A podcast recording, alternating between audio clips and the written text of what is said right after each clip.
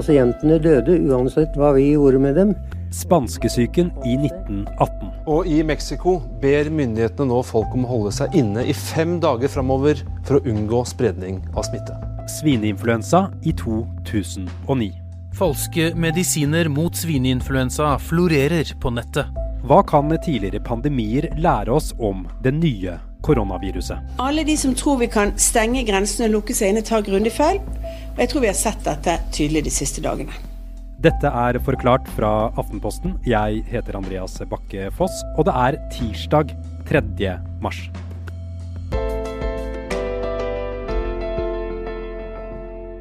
Det siste tallet er nå at 25 personer i Norge har testa positivt på Antall personer i Norge som er smittet av det nye koronaviruset, stiger. Siste døgnet er det fem nye tilfeller. Så langt er ingen alvorlig syke, men legene på Folkehelseinstituttet kaller situasjonen alvorlig. Vi kartlegger nøye ethvert tilfelle av koronasykdom. De mener å ha kontroll på smittesituasjonen Foreløpig så kan alle tilfellene knyttes eh, til eh, smitte utenfor Norge. Dvs. Si at det enten er tilfeller som har blitt hvor vi antar er smittet i utlandet, i utbruddsområdet, eller har vært nærkontakter som man har funnet eh, via sporing av disse tilfellene. Tine Dommerud, du er helsejournalist her i Aftenposten. Hva vet vi nå om hvor farlig dette nye koronaviruset egentlig er? Fremdeles så er dette ganske usikkert. Det vi er redd for, eller det man er redd for, det er at eh, smitten skal komme til mennesker med dårlig immunforsvar. De kan bli veldig syke. Og det er de samme risikogruppene som er ved, utsatt ved en vanlig influensa. Det er folk som har kroniske sykdommer, og det er mm, folk over, gamle folk over 80 år. Altså I Norge er jo faktisk alle over 65 år anbefalt å ta en vanlig lungebetennelsevaksine. Så sykdommen er farlig for noen få. Men den sprer så fort at derfor så har vi et ansvar alle sammen for å begrense spredningen. Det er mye snakk om at koronaviruset kan bli en eh, pandemi, Tine. Hva er eh, egentlig det? Ja, Da må vi begynne med epidemi. Fordi at eh, epidemi er på en måte forstadiet til en pandemi. Og en epidemi det er en sykdom som øker hyppig i enkelte geografiske områder, og med høyere dødefrekvens enn andre sykdommer. En pandemi det er når epidemien brer seg utover flere geografiske områder, flere land, flere landsdeler. Så derfor så er på en måte en pandemi en veldig omfattende epidemi. Og en epidemi kan starte med, med, en influensa, en vanlig influensa. Derfor er det viktig i Norge, vi, hvor vi har tilbud om å ta influensavaksinen, at flest mulig tar den. fordi da stopper man på en måte utbruddet før det blir epidemi eller pandemi. I Norge så har vi vært forberedt på at koronaviruset ville komme.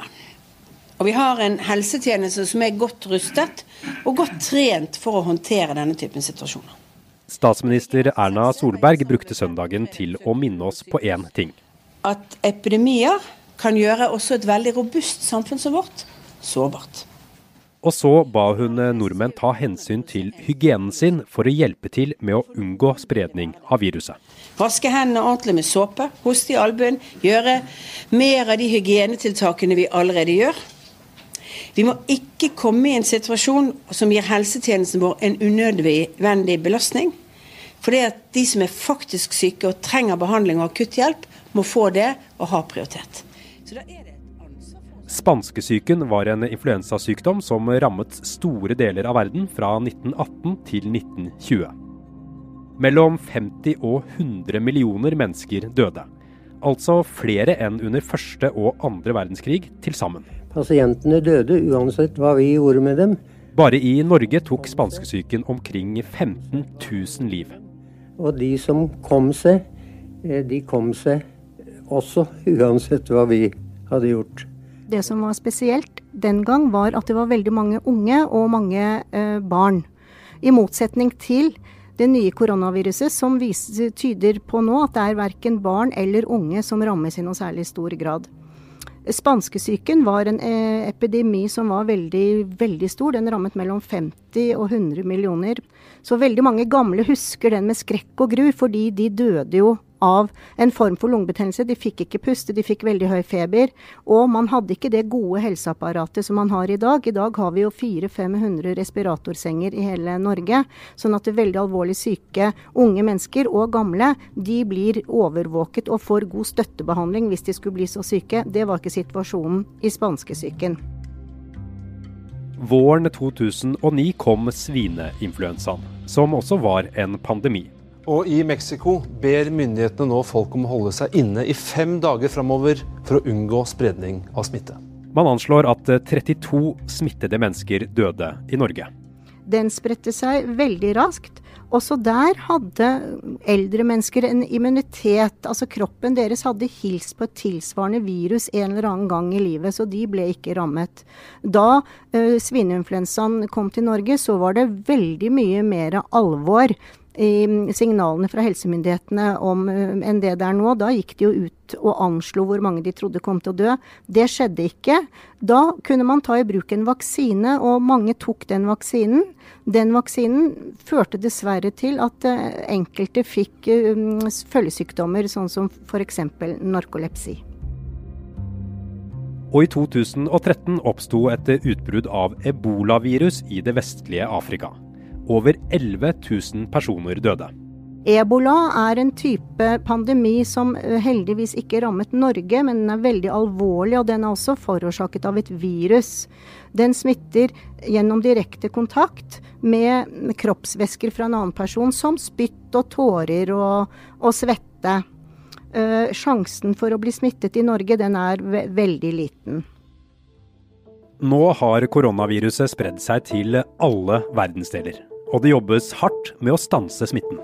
It calls for all countries to educate their populations, to expand surveillance, to find, isolate and care for every case. Så hva kan helsemyndighetene lære av de tidligere pandemiene? Vi er straks tilbake.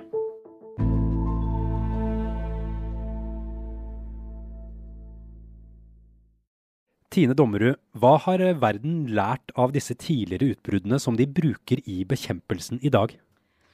Jeg tror det viktigste de har lært er at man må gjøre mest mulig for å stoppe smitten raskest mulig. Det de sier i Norge er at de håper at de kan hindre smitten så lenge som mulig og spre den utover tid. Sånn at det er jo det man uh, i mange andre europeiske land også gjør, og du så jo de gjorde det i Kina òg.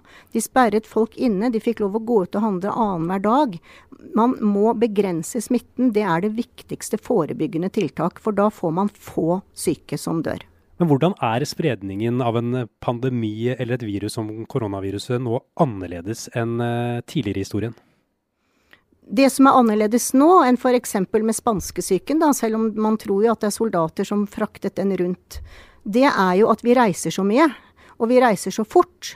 Og ingen har oversikt over hvem som har vært hvor. Sånn at um, de, smitten som er kommet til Norge, den er jo kommet fra folk som har vært i Kina, um, i Nord-Italia eller i Iran. Det er den store forskjellen. Det, vi, vi, er en, en global, uh, i en global verden. Vi flytter oss veldig fort, og vi tar med oss disse virusene. Nå er det snart en uke siden koronaviruset kom til Norge, Tine. Hvordan har den norske kriseberedskapen vært? Ja, Som helsejournalist i Aftenposten så får jeg veldig mange spørsmål fra leserne som er forundret over at private firmaer satte i gang karantenetiltak lenge før helsevesenet gjorde det. Den første ble smittet onsdag. Det ble kjent at det var en lege som ble smittet på torsdag, og vedkommende var på jobb.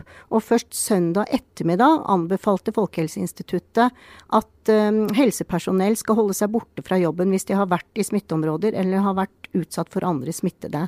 Så mange mener også innen helsevesenet at man kanskje har vært vel forberedt på å forebygge, og ikke så mye på direkte tiltak. I flere land har myndighetene forbudt arrangementer som samler mange mennesker. I Asia er flere verdensmesterskap i idrett avlyst. Italia har fotballkamper gått uten tilskuere, og i Sveits forbyr myndighetene nå arrangementer med flere enn 1000 personer. Jeg har fått to sportsspørsmål som jeg skal stille. Og i går sa Svein Lie i Helsedirektoratet at de vurderer å stenge arrangementer med mange mennesker. bl.a. skifesten i Holmenkollen til helgen. Det er sånn at I øyeblikket så har vi vurdering av store arrangementer sin alminnelighet, men det er ikke nå fatta noen konklusjon på det. For det som teller, er jo ansamling av mennesker på et lite område. Hvilke tiltak er det norske helsemyndigheter kan eh, bruke for å begrense spredningen av dette nye koronaviruset? Det første tiltaket de satte i verk, det var jo eh, at de gikk ut og informerte om viktigheten og verdien av håndvask, håndvask, håndvask. Er det noe tidspunkt vi skal være veldig nøye med å vaske hendene med varmt vann og såpe, så er det nå. Hvis man ikke har tilgang til det, så må man bruke antibac eller noe annet. Det andre tiltaket de satte i gang, det er karantene. Nå anbefales, uh, sterkt anbefales alle som jobber på helse- og omsorgsinstitusjoner i Norge, det er sykehus, sykehjem, jeg vil tro det er hjemmesykepleie, fysioterapi. Alle som enten har vært i land med spredning, eller som har vært i kontakt med noen som er smittet, de blir bedt om å være hjemme. Så etter hvert kan man vurdere om man må begynne å ta temperaturen for folk som kommer inn til landet om man skal isolere enkelte grupper, om man skal stenge møter og, an og andre store arrangementer. Hva skal til for at uh, disse mer alvorlige tiltakene settes uh, i live? Jeg vil jo tro at hvis det viser seg at veldig mange flere blir smittet, så er man nødt til å hindre at smitten sprer seg. Altså man må ha strengere sosial kontroll, rett og slett. Og flere steder nå så sitter altså folk i hjemmekarantene. Hva betyr egentlig det? Det betyr at de skal unngå sosial omgang. Altså de skal ikke være nærme folk, sånn at de kan smitte via dråper. Og det betyr i praksis at hvis du har en ektefelle og barn, så kan du bo i samme hus, men du bør ikke dele seng. Du bør helst ikke dele toalett eller dusj. Eh, du må ikke kysse og kose veldig tett. Og de samme reglene som for russen. Du skal ikke dele flaske eller uh, sånne ting. Men det er den sosiale omgangen som må begrenses i størst mulig grad. Men barna dine kan gå på skolen, og mannen din kan gå på jobb.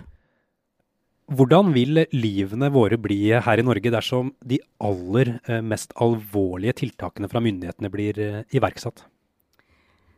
Allerede i dag er det jo uh, iverksatt tiltak som går direkte inn i menneskers liv. Det er bl.a. Uh, veldig mye mindre kapasitet på øyeavdelingen på Ullevål sykehus. Der får flere hundre pasienter hver dag nå beskjed om at ikke de kan få den behandlingen de skulle ha. Noen pasienter flys til uh, Haukeland, og noen pasienter flys til Stavanger. Og man kan jo tenke seg, da, hvis det blir sånn at eh, folk begynner å hamstre, det ikke er mat i butikken, man stenger kanskje skoler, i hvert fall sykehjem. Uh, allerede til helgen kan man risikere å ikke komme på idrettsarrangement fordi man velger det. Så det er jo klart det at uh, hverdagen vår vil bli endret. Men Norge er jo et land som har tilgang på mat tilgang på helsetjenester. Mange kan jobbe hjemmefra. Så jeg tror det skal veldig mye til for at eh, vi på en måte vil bli rystet av uh, tiltakene. Ja, hvor realistisk er det at det vi snakker om nå faktisk blir hverdagen eh, til oss nordmenn i en periode? Er, man kan jo ikke spå, men jeg tror det skal sitte langt inne at man opplever at man lammer Norge på en måte. Men det er helt umulig å vite hvordan disse virusene vil spre seg.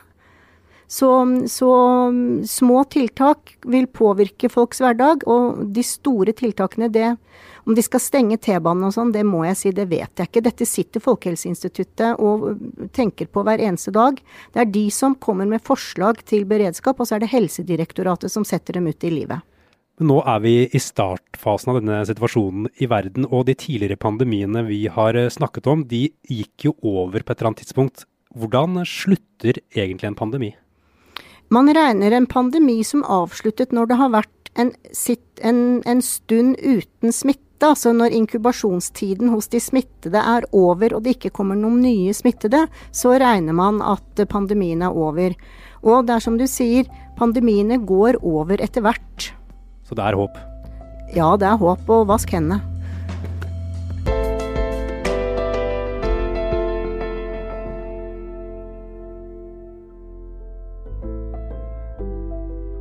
Forklart lages av Caroline Fossland, Anne Lindholm, Fride Næss Nonstad, Kristoffer Rønneberg og meg, Andreas Bakke Foss.